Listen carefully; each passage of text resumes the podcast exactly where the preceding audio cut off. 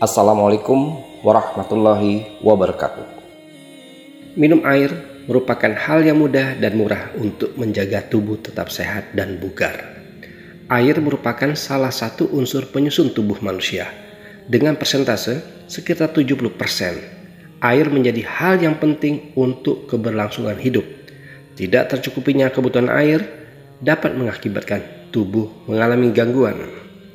Dalam Islam, segala sesuatunya diatur dengan sedemikian rupa.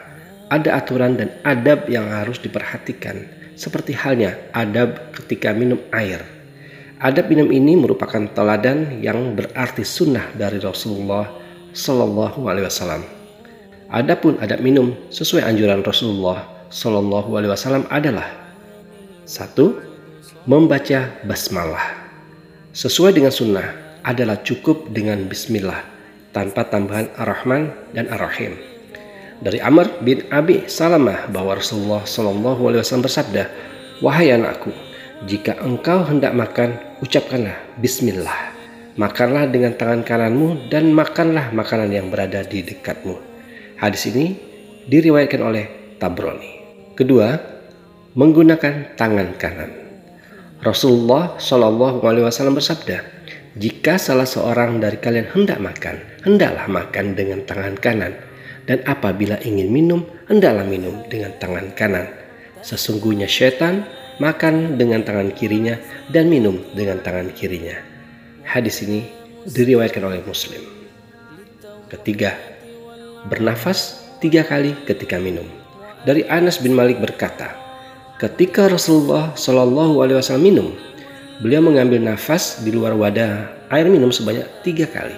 Dan beliau bersabda, hal itu lebih segar, lebih enak dan lebih nikmat. Anas kemudian berkata, oleh karena itu ketika aku minum, aku bernafas tiga kali.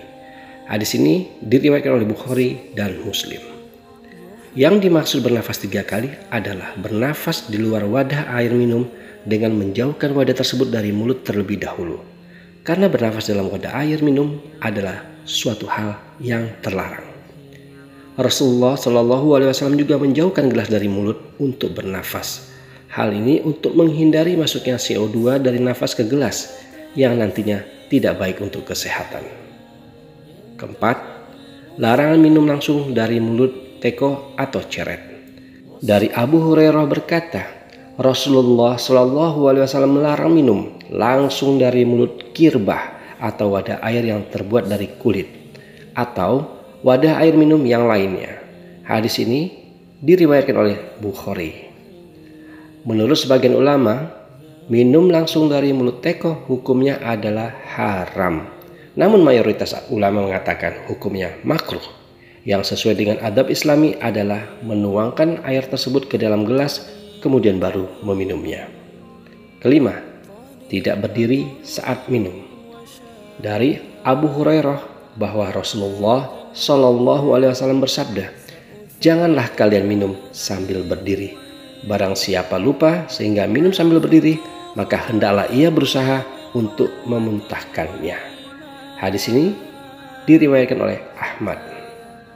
Namun, di samping itu terdapat pula hadis yang menunjukkan bahwa Rasulullah Shallallahu Alaihi Wasallam minum sambil berdiri.